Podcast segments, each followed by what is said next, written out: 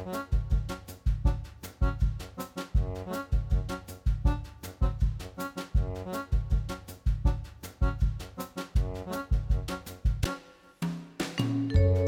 og sæl og velkomin í mannlega þáttin. Í dag er þriðju dagur og það er 12. desember.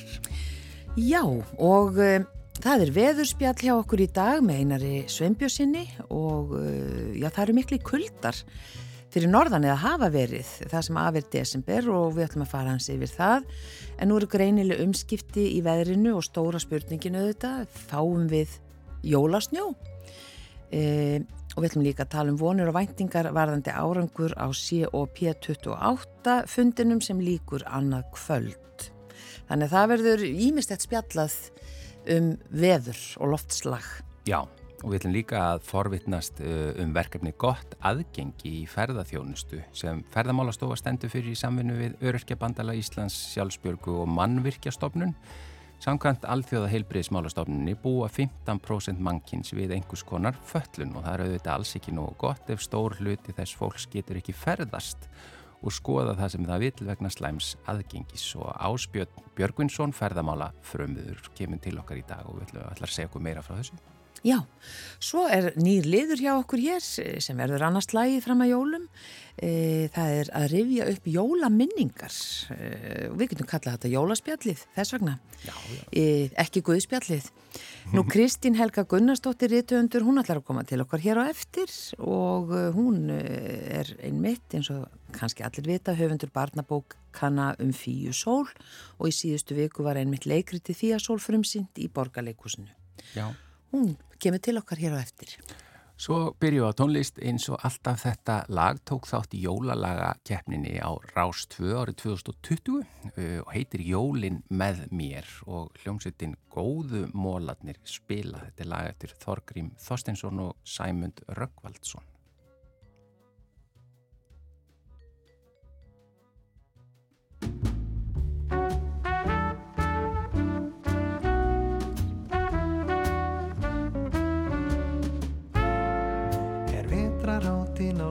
Nálgast og það skikja fer og jóla ilmur í lofti er. Allir er á hlaupum já allt í nú. Ég kúpla með þá gjarna nú. Ég baka mig í gegnum kökusortirnar. Ég hlusta á jóla hverjurnar glugga síðan smá í jólabækurnar. Því ég þarf ekki að fara neitt. Freyði bað með jólablað já luxus gæða stig jólahaldi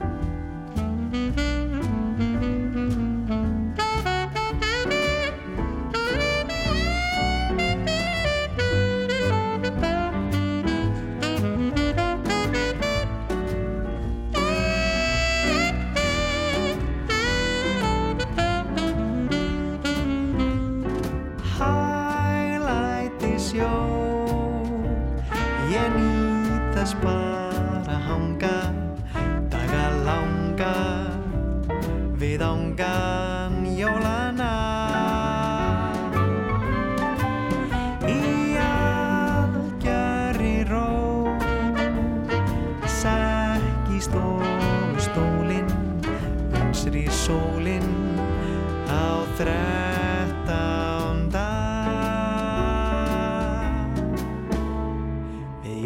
tréð er gott að róa taugarnar og jólaöli leifað leikum kverkarnar. Horfa á allar gömlu jólamyndirnar og maula Macintosh heim í ró með heitt kakó. Það verður aldrei þreytt. Hér er nóga jólakræsingum laus og jólaæsingum svo komdu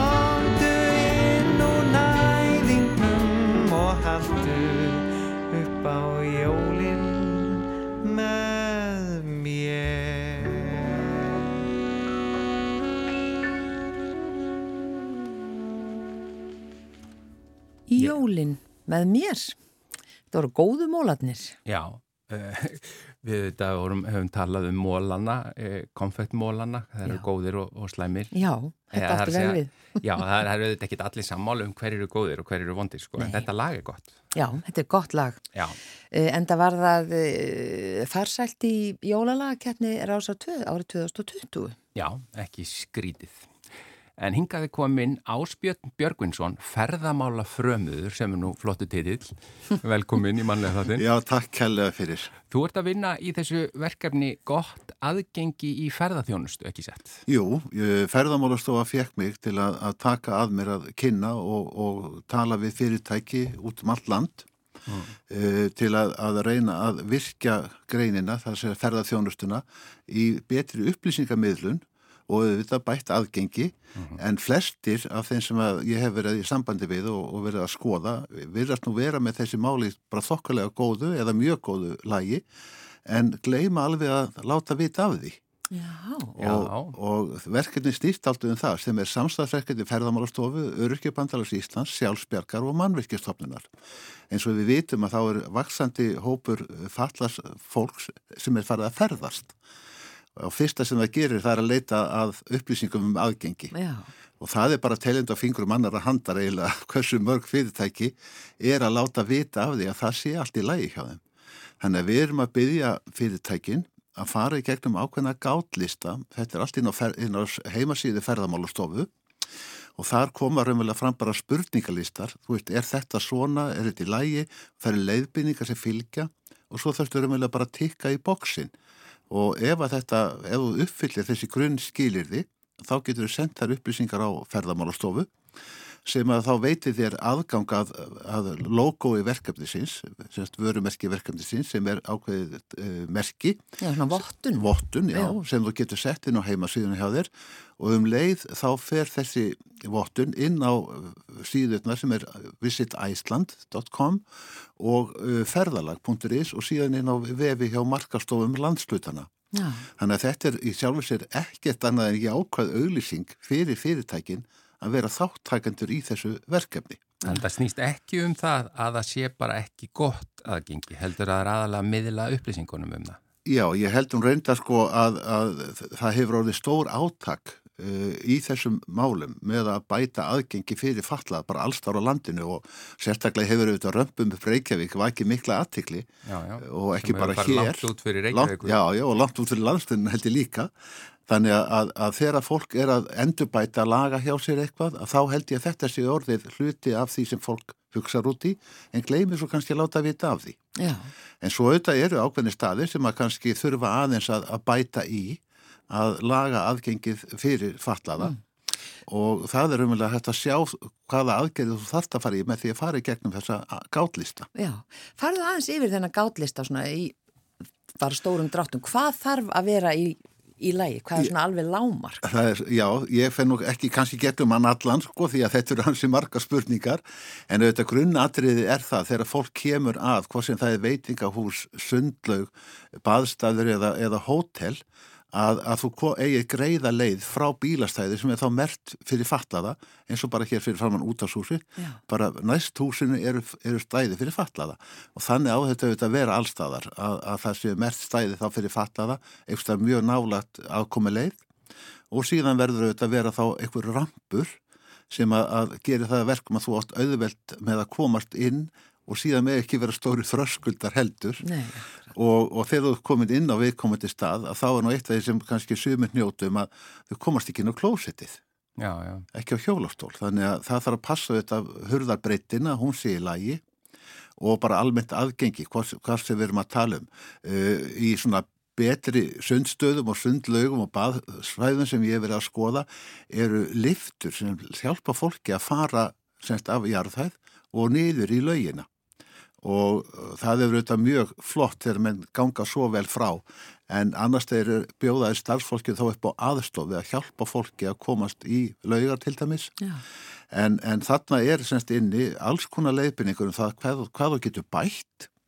Og síðan er líka sérkaplið þarna fyrir sjóndaburt eða blind fólk sem líka þarf sérstakka merkingar til að það geti þreyfa sig áfram og leitað upplýsinga það var mjög ánægilegt fyrir mörgum árum þá fór ég í, í, á tónleika með Helgu Möller á, á, á hótel uh, út á Íslandíja á Spáni þar sem við vorum í golfferð. Já. og þetta hótel var sér hana fyrir blinda. Og það var á golfónum, það var á veggjónum, það var allstaðar þar sem fólk að bara þreyfa sig áfram en hvað, það var náttúrulega tónlistarinnar, það var ekki vandamál. En þetta var mjög sérstætt að koma þú veist, hvað sem það var á barin eða eitthvað annars það var allt uppleift, allt í blindarleitri og þetta er auðvitað hægt að, að gera ef menn vilja virk, virkilega sko, standa sig fram, fram úr skarandi að, að, að bæta úr aðgengismálum fyrir blinda. En það er ekki þannig að þetta séu bara hreinlega reglur eða að það bara að verði að vera þetta aðgengi, er, er þetta bara Jú, tilmæli eða hvað? Núna Já. í byggingarreglugerð þá eru konar fram kröfur Já, um að ef þú ert að byggja nýtt eða endurbæta húsnæði þannig að það fari semst uppfylli að það er kröfur að þá eru auðvitað gerðar kröfur til þessa að þessir, upp, þessir hluti séu í lægi. Í öllum nýbyggingum þá er þetta yfirleitt alltaf, alltaf í lægi og, og eins í eldra húsnæði sem verið er að endurbæta þá koma þessa kröfur á þig. En húsnæðis kannski sem er, hefur ekkert verið breytt, er bara búin að vera til í ára tugi að, að þar hefur kannski fólk ekkert verið að spá mikið í þetta. En þarna færða góða leiðbynningar sem að koma frá mannvirkjastofnun um það hvernig hægt er að standa að því að, að bæta aðgengi fyrir fallaða einstaklingar sem eru mjög vaksandi ferðamannahópur og það er talað að síðan um einn miljardur manna sem er á ferðalagi á hverju einasta ári sem er að einhverju leiti fallað.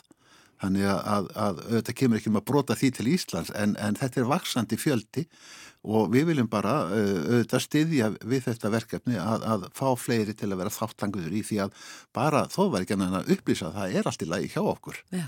og hinum að bæta þá úr það sem vantar eitthvað upp á. Hve, hvenar hófst þetta verkefni og hvernig gengur að fá uh, fyrirtækin til að taka þátt? Það, þetta verkefni byrjaði snemma á þessu ári og það er búið að halda nokkur fjarnámskeið og næsta fjarnámskeið er einmitt klukkan tíu í fyrramálið hjá á VF ferðamálastofu og það er að fara þarna inn og skrási bara á þetta námskeið. Það er búið að halda all mörg og það verður bara að segja eins og er að, að þáttakan er afskaplega lítil enn sem komið er. Það er eins og fólk ekkert klári ekki að, að þetta er smá vinnuframlega, það er engin kostnaður, þú veist, ferðamálastofa er ekki að rukka fyrir þetta eða eittir neitt, en þú þarfst að leggja á því smá vinnu og sumir kannski eru rættir, býtu lendi í þá einhverju, einhverju voðalegum kröfum, en þetta snýst raun að byrja því að fara einhvern sjálfsmatið, hvernig er þetta hjá mér og hvað þarf ég að gera til að bæta úr. Og, og þarna á þessu námskeiði sem er klukkan tíu fyrramáli þá, þá er þetta mjög útskipt á mjög einfaldan hátt mm. og við erum að hvetja fyrirtækið mitt til að koma inn á það og, og fylgjast með. Og, og þau fyrirtæki sem að þá standast þessar kröfur eða eru bara með allt í fínum málum Já. þá fá þau svona stimpil.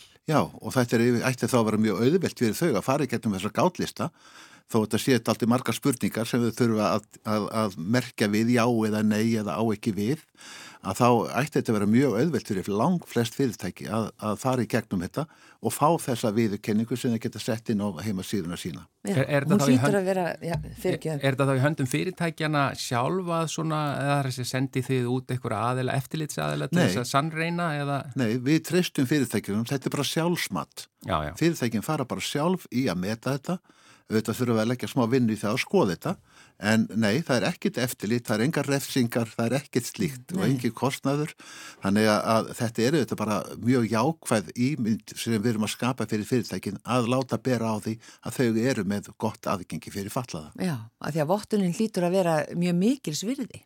Hún ætti að vera það fyrir alla og þeir sem ég hef heyrt í núna upp á síðkarti, þeir eiginlega eru kannski pínluti hissa, býtu já og við erum allt í læg og við erum ekki láta að vita að því, hverslega segjulega er þetta? Við þurfum bara ganga í að klára þetta og það er það sem ég er að reyna að vinna í og, mm. og, og, og láta vita af að, að þetta góða verkefni það þarf að ná meira flugi. Og þetta er ferðamála stofa sem hefur þá vantalega að kanna hvernig ástandið er annar staðar. Eh, ég meina, er, er svona mottun í, í löndunum til dæmis á Norðurlöndunum? Já, nú ætlum ég ekki að fullera, ég myndi telja það væri og meðal annars eh, þegar ég fór um nýja sjálfum þar sem ég var að kynna við um eh, ferðarþjónustuna að sjá hvernig þeir hugsa um aðgengismál á Nýjasjálfand og við tökum tólti mikið herrum hermadólti eftir Nýjasjálfandíku því að þeir eru mjög framalega í þessum málum. Mm. og, og það sámæri með þetta hvernig menn hafa tekið virkilega á þessu með aðgengismálinn þar úti. Reyndar ásand mörgu öðru sem við höfum verið að taka upp hér varandi bara aðgengi af fjölföldnum ferðamannastöðum. Þar sem menn fara aldrei fram og tilbaka heldur alltaf við ringi þannig að sé aldrei að rekast á annað fólk heldur, ertu bara raunverulega að lappa í róliheitunum ákvæmna ringi í staðan fyrir að vera alltaf að fara fram og tilbaka já. í mannhafinu. Já, já. þannig að þetta er það sem nýsendikar hafa, hafa lagt mikla áherslu á og þar var líka mikil áherslu að löða á þetta aðgengi fyrir fallaða Þannig að þetta námskeið og, og sjálfsmatið í rauninni kostar ekki neitt, það getur auðvitað verið eitthvað kostnæður í því að hafa einhvað til sem er ekki í lagi en þá á móti kemur og þá er bara, heils, bara stór hópur sem að, opnar á nýjir kunnar í rauninni. Já, það er það sem við erum að benda fyrirtækjum á og þetta er stækandi hópur mm.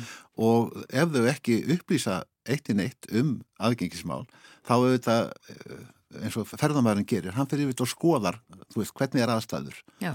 Og ef þú ferður með svona sundlega reykjavík og þá er það til fyrirmyndar, það er bara mjög flott, flottur kassi, upplýsingarkassi bara fórsýðu sem segir nákvæmlega um aðgengi fallar að sundlegum reykjavíkur.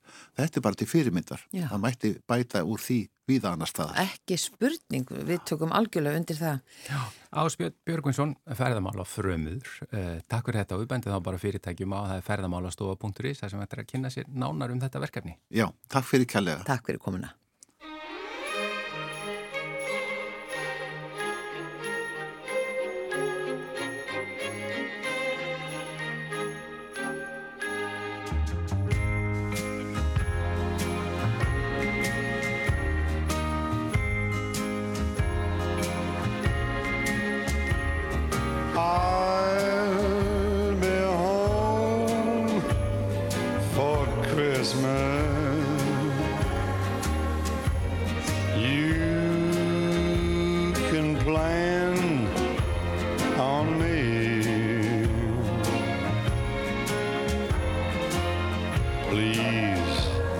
snow and mistletoe.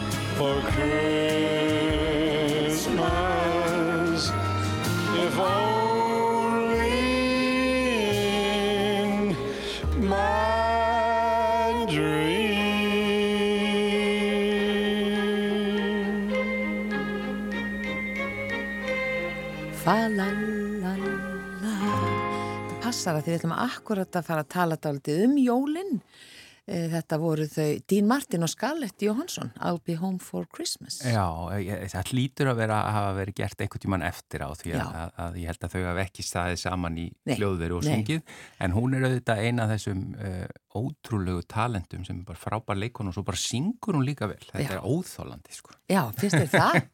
nei, nei, algjörlega frábært. Þetta er algjörlega frábært. Já. En við, við ætlum núna fram að jólum að vera með nokkuð skipt þætti þar sem við fáum gesti til að tala um jólaminningar úr æsku og uh, ekkert endilega æsku, það má bara vera hvað sem er og hún er komin hinga, hún Kristín Helga Gunnarsdóttir, réttöfundur, velkomin.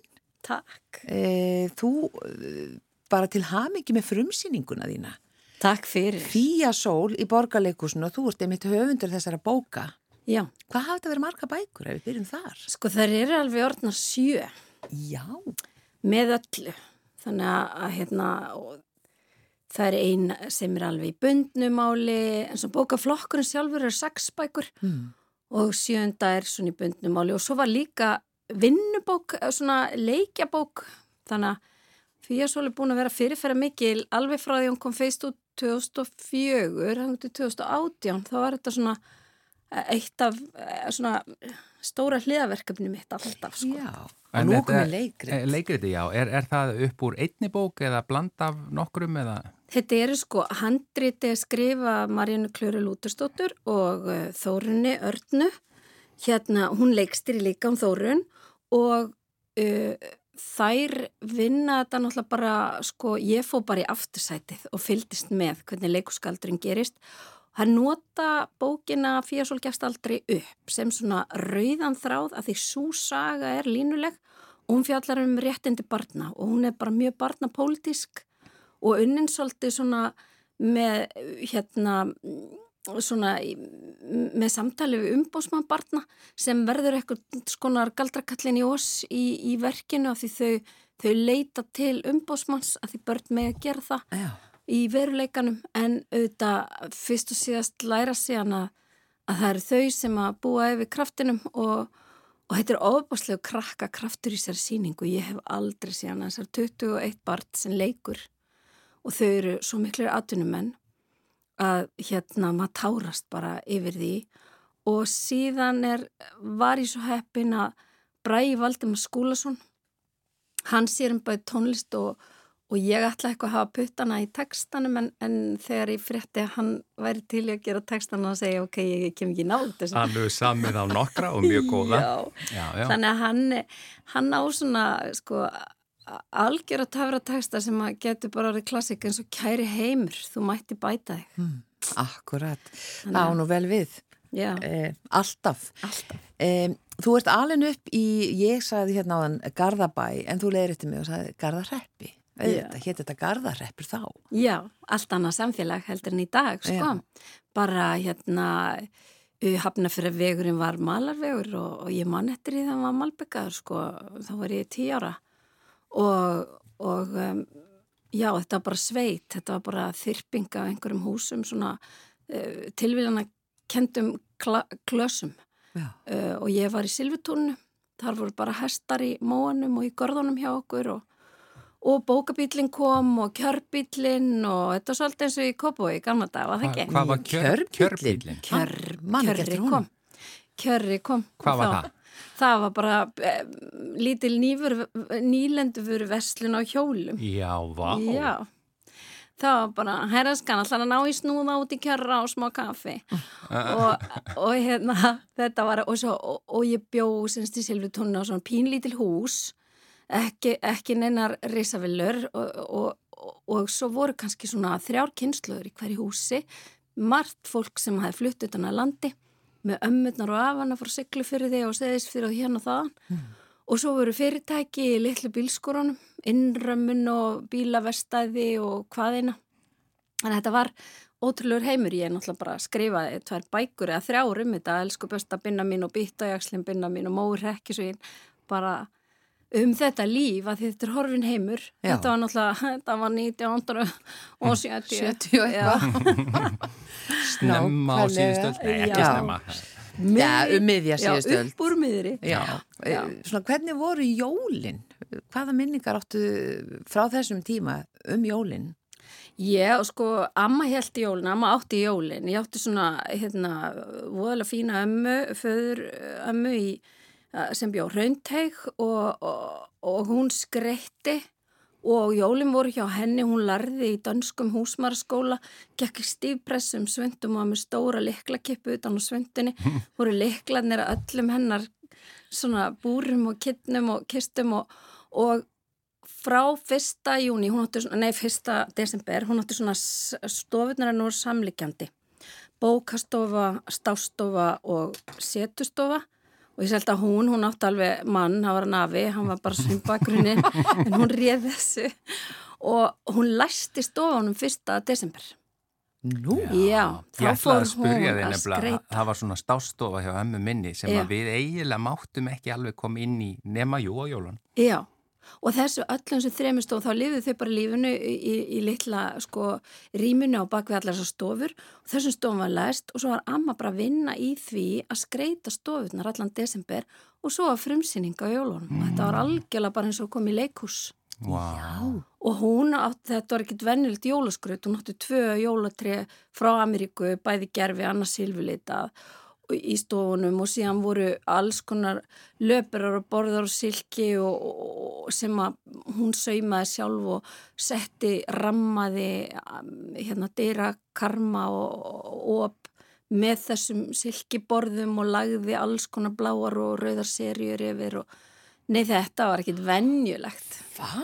Fengu þið ekki að taka þátt í að skreita eða, eða Nei, bara, bara koma á frumsýningu? Já, við komum bara á frumsýningu og svo man ég að ég og frændum mig, við vorum stundum að reyna að ná af henni liklunum á svo sæ.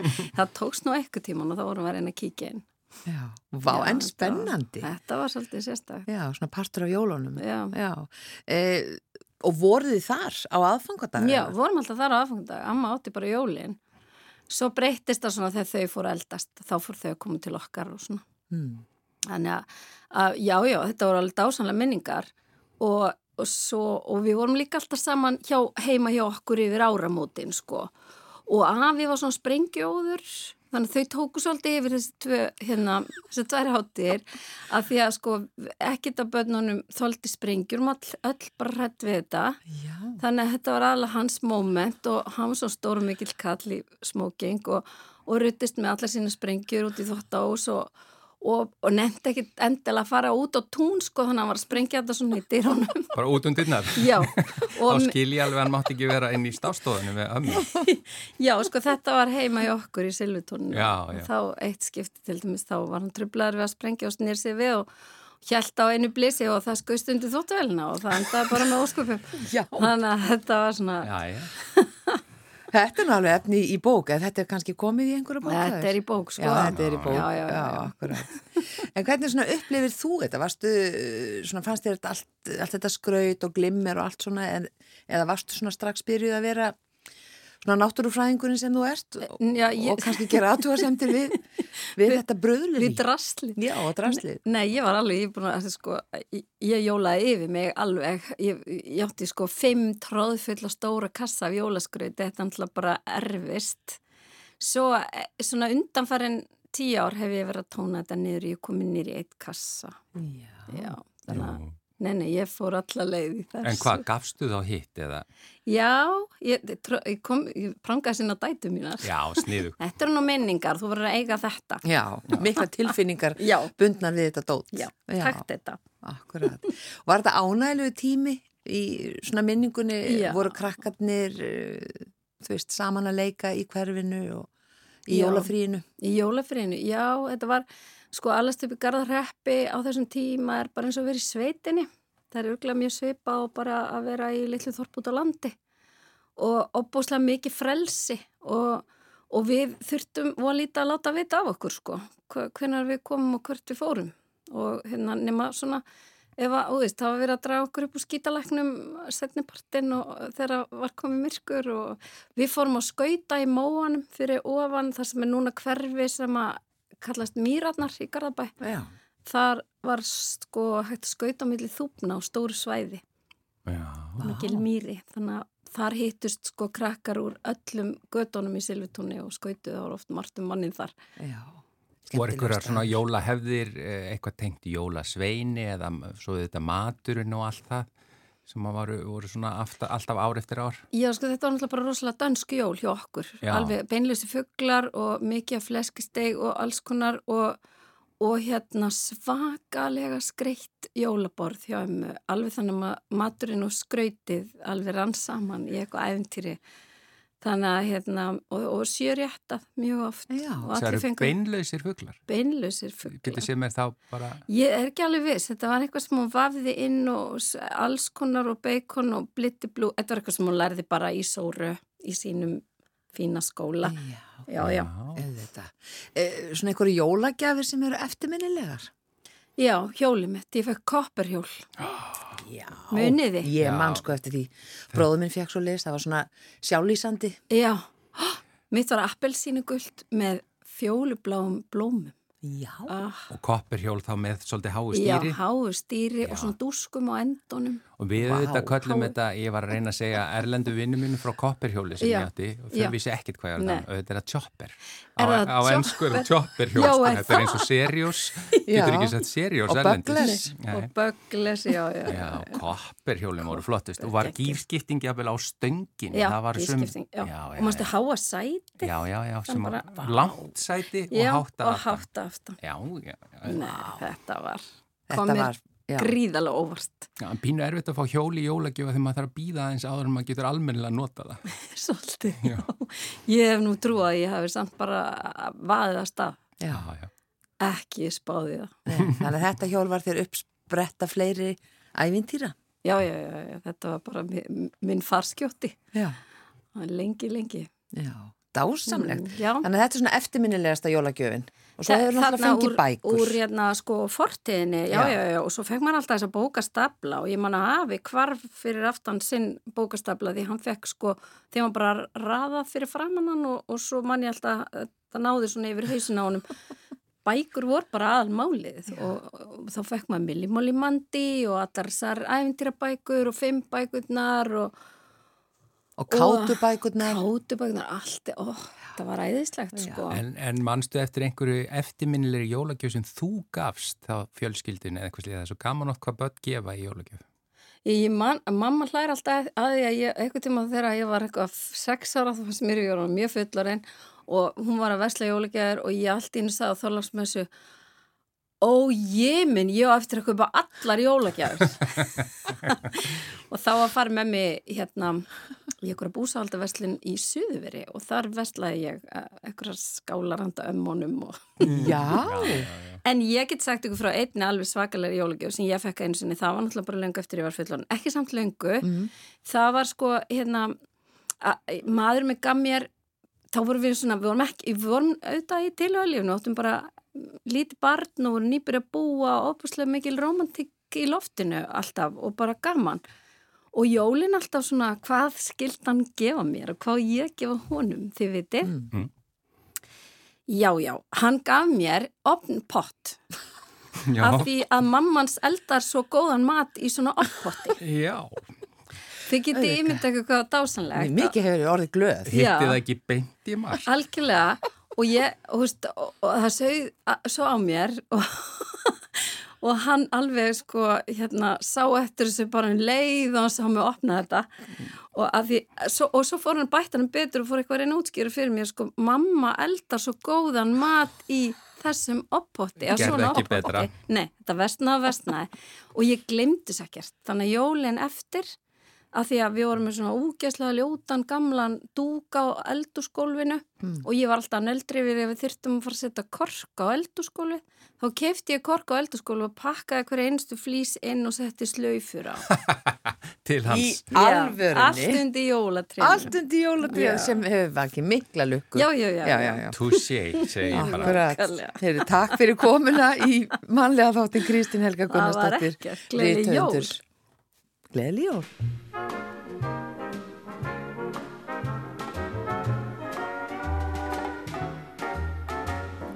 Rudolph the red-nosed reindeer had a very shiny nose. And if you ever saw it, you would even say it glows. All of the laugh and call him names. They never let poor Rudolph join in any reindeer games. Then one foggy Christmas Eve, Santa came to say, Rudolph, with your nose so bright, won't you guide my sleigh tonight? Then how the reindeer they shouted out with glee. Rudolph the red-nosed reindeer, you'll go down in history.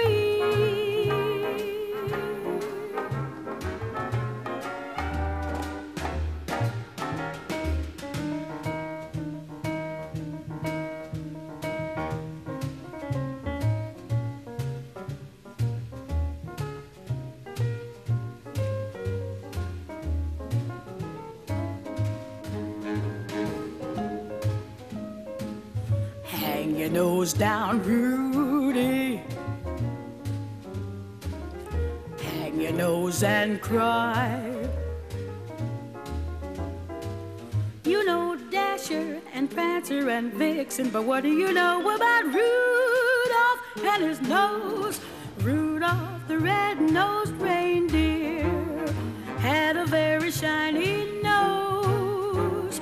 And if you ever saw it, say it glows. Then one foggy Christmas Eve, Santa came to say, Rudolph, with your nose so bright, won't you guide my sleigh tonight? Then how the reindeer loved him as they shouted out with glee. Rudolph the red-nosed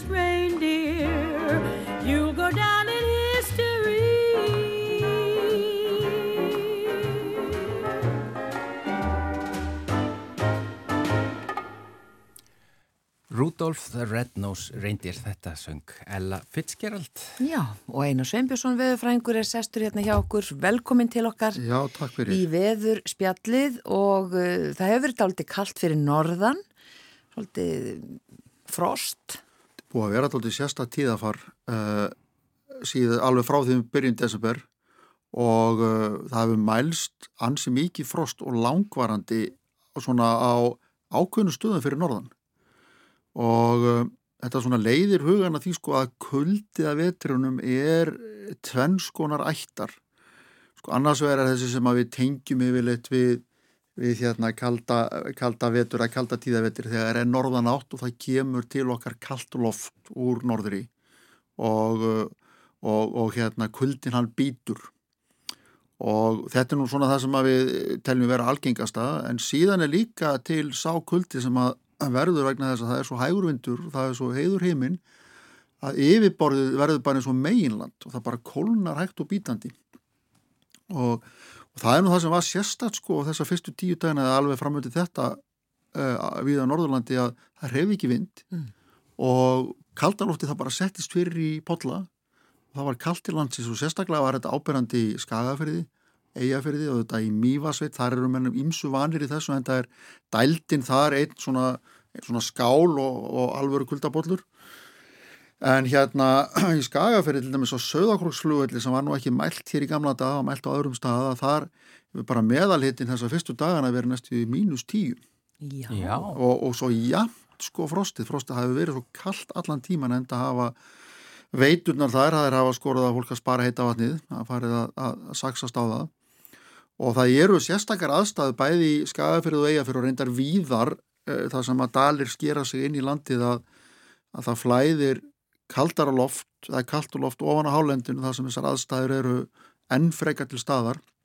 Og það fellur bara fram að hálendisbrúninni eins og ósynlegu foss, reyndar mjög rólega og dreifir úr sér niður á lálendinu og síðan verður hægveðri þar og, og heiður heiminn og útgeislunum til þess að kæla loftið enn frekar þar sem það setur í pollunum eins og á Söðakrúsflugvill og víðari skagafrið torfum í eigafærðarsveit, fremst í eigafærði, þar hefur líka verið kallt í Vastalun, brúsastöðum í Vastal, þar er, er, er, með, er meðalitin þessa fyrstu daga eitthvað mínus átta.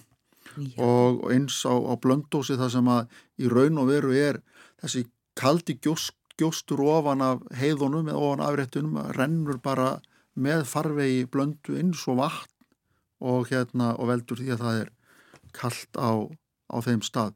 Svo ferðu út við sjóin sko, uh, út á hraun og skaga eða út í grímsegi og það er ekkert sérstaklega kallt en það nýtur þar loftið að fær loftið svona varma frá, frá sjónum sem að er eh, með árstíma svona í hlýra lægi, getur við sagt. Já, já er hann það? Já. Já.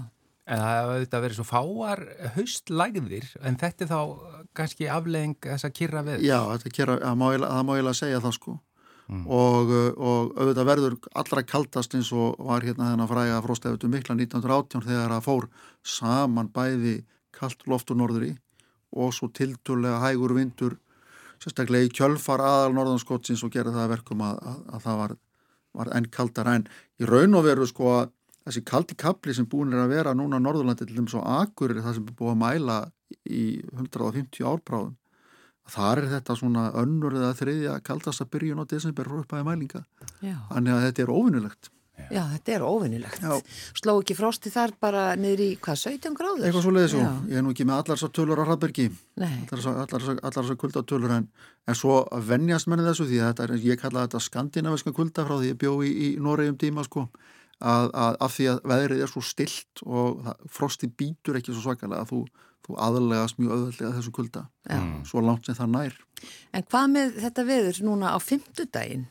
Hvað er það bara fyrsti stormurinn eða? En nú eru sko breytingar í aðsí og þær hafa verið fyrir síðaðir í dálítið langan tíma og spotnar hafa verið með þetta í 8-10 daga það eruðu breytingar um, um þetta leiti, svona rétt fyrir 15. rétt fyrir miðamánuðin og, og það sem er að gerast núna er að, að loksins að þá nær myllt og loft úr suðvestir að brjótas, brjóta sér leið hinga norður eftir með suðvestanátt í hálóftunum og við fáum þessar hefðbundnu vetralæðir, það er, það er gerast nærgöngulli og það byrjar þannig í, í kvöld og nótt að það eru svona veiga minni skíl sem er á undan aðalæðinni og það kemur til með að snjóa daldið frá þeim hér um vestanvertlandið og fer síðan yfir í bleitu snjó og, og upp fyrir frostmark. Og við það að þá, þá hérna er hætt við því að það verði enn frekari hálka. Og auðvitað er það þannig sko að, að hitin er líka mældur sko onni veginum semst við yfirborðið eða rétt undir yfirborði kallaður vegheiti þeir mælar eru dreifðir hinga og þangað hinga og þangað um landið og við sjáum það sko að undir lagið er orðin algjör fristikista það er bara frostið 8 til 10 stig og það tekur dálítinn tíma sko þó að loftið til sér komin í null að þýða síðan yfirborðið. Og þarna á akkurat þessu tímabili þegar að, að úrkomun er komið bleita í úrkomun en frost uh, neðan til sko, frost frá jörðinni að þá er hættið að það myndist ennfrekar flughálka. Ég, þetta er bara nánast sama og er gert á skautasvöllum, það er kælt neðan frá. og- Akkurat, Já. Já, þannig að þetta er- ágætis samlíking og aðeins bara spurning um það sko hversu langan tíma þetta tekur að komast yfir þetta stig. En síðan á morgun miðugudaga þá er bara spáð indiregnum hlýjendum þá kemur, kemur aðal bakkin frá læðinu sem er á sunnaverðu Grænlandshæfi og fer hér norður yfir land og það hlánar alveg upp í 6-800 metra hæð næra að rigna og leysa líka á fjallvugum á, á norðvestur og norðvesturlandi og vestfjörðum og hér austur með þannig að þá er þessi flughálku skiliri til staðar og loksins á norðurlandi að þá næra að hlýna eftir þennan kuldakabla þannig að svona það markar ákveðin skil og ákveðina breytingar og síðan sjáum við bara lægðir og, og svona, svona sviftingar í veðrinu fram yfir helgina. Já, varasum hálka þá. Já, svo gæti, svo gæti sko ef að, ef að jólinu væri nú næsta sunnudag sem er þriði sunnudagur í aðundu og þá hérna þá myndum maður nú spá kvítum jólum því að það er útlitt fyrir að það snjói hér með suðvestanáttinni í jæljum á, á hérna fyrstu já. Víðast hvar um landið um, um, sunnan á vestanverðlandið Já. þá, þá gerir það það með þessari þessar, þessum hefðbundna útsinningi eins og við köllum gerna söðvestanáttina að vetrinum. Já. En jólin er ekki næsta sunnudag. Nei, þau eru Þannig að- viku setna, viku síðar og það getur ímislegt gert, gerst í middeltíðinni. Það Getur, þennan snjó getur tekið upp og það getur komið annar þar á eftir eða hvernig sem ver, verður sko. En það er allavega útlitt fyrir ef maður skoða langtímaspátnar að það er útlitt fyrir svona læða skak að minnst að kosti í, í viku, 8-9 daga eitthvað svo leiðis fram í miðanæstu viku. Þá er nú komið 21. desember Já. og svo nú svona sömarspár sem gerir ráð fyrir því að hann hallir sér í norðanátt og kaldara veður svona þegar nærtir og jólum en það er mikil óvisa. Þar sem að svona án ábyrðar, skulum við segja, er, ertu, er, er líklegra að það sé rauða hvít jól? Það á bara svo mikið eftir að gerast Já, til jóla sko. þetta er leiðindasvar, En sko. Ég veit að, ég veit að, en þá getur maður greipið til tölfræðinar og það er heldur ekki, heldur ekki gott svar sko. Já, já. Já, þannig að þetta er bara, það er ennþá of snemt, enda bara einn jólasett komið til byggða og tólf eftir sko. Já, já. Það er ennþá það langur tími í þetta. Já. já. Og hundlegilegar sviftingar heyrist mér á, á þínu tali. Já, sko, hundleiðilegar eru þær auðvitað eftir, eru þær auðvitað, sko, en við, sko, hefur ekki bara að vera fegin því að fengi þennan fína og góða kapla í höst, Jú, sko, Jú, skulum og það- hvað, hvað hefur liðið langt inn í veturinn á, á, þess að nokkuð stórt hafi gerst í veðrinu, sko. Já, það er alveg. En, en auðvitað vonum við það að þessi kapli verði sem stistur og verði ekki svo brjálaður.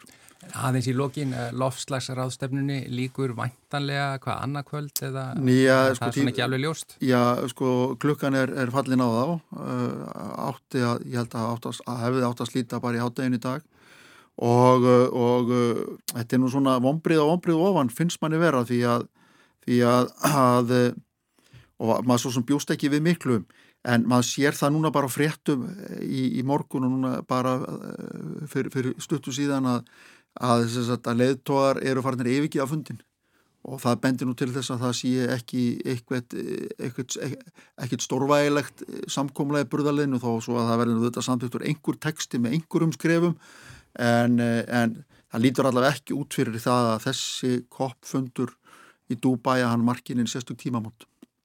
Æ, hvað það er leitt.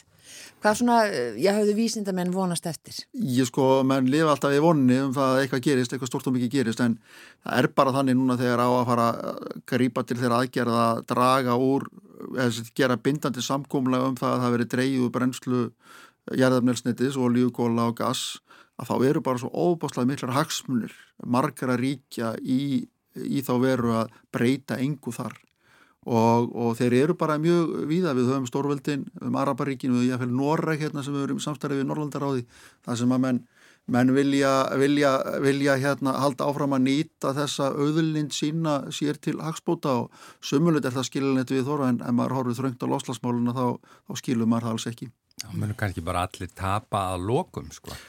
Það er svo stóra spurningin. Já, Já því en auðvitað bara fundurins í haldin þarna og bara forseti fundarins er uh, maður sem á mikið undir uh, jarðefna eldsniti. Já, ég var nú eitt þeirra sem fór snemma og gaggrindi það fyrir komulag og, og hérna, það var nú ekki allir sátt, sáttur við það að það væri verið að mikið að tala um það en auðvitað flýja menn ekki staðrindir og, og, og Fórseti fundarins er auðvitað, já, fórstjóri mjög stórs oljufyrirtækis og mér finnst nú aðeins saminuð þjóðunar og þessi vekkferð saminuð þjóðuna í loslasmálum hafa tekið niður við það að, að tekið niður í þessari, með þessari ákvörðuna að standa svona að, að hlutum en svo er aðeins sem segja að það skipti ekki máli en hver og verður að dæma fyrir sig. Mm. Kæra þakkir fyrir komuna í manlega þáttin Einar Sveinbjörnsson, veðurfræðingur, þetta var veðurspjallið og við heyrum aftur í þér bara millir jól og nýjás. Það er. Er það ekki? Já. Já. Þættum við bara lokið í dag. Já, við bara verðum hér aftur á morgun, þökkum samfélgina. Verið sæl.